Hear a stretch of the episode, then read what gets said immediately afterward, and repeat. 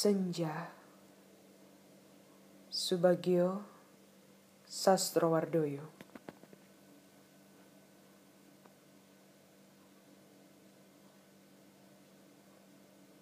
Aku tak tahan melihat senja.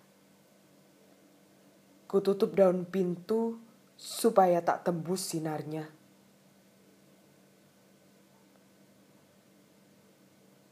Saat paling baik adalah berada di kapal terbang menuju ke timur, atau sedang tertidur di kereta api sehingga senja lekas terlewati.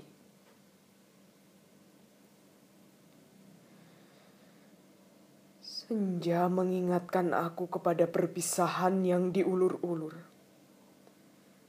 dan kepada keraguan antara kehadiran dan kemusnahan.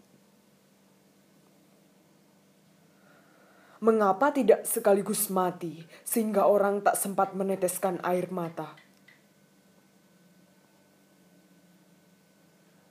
Aku terus menghindari senja.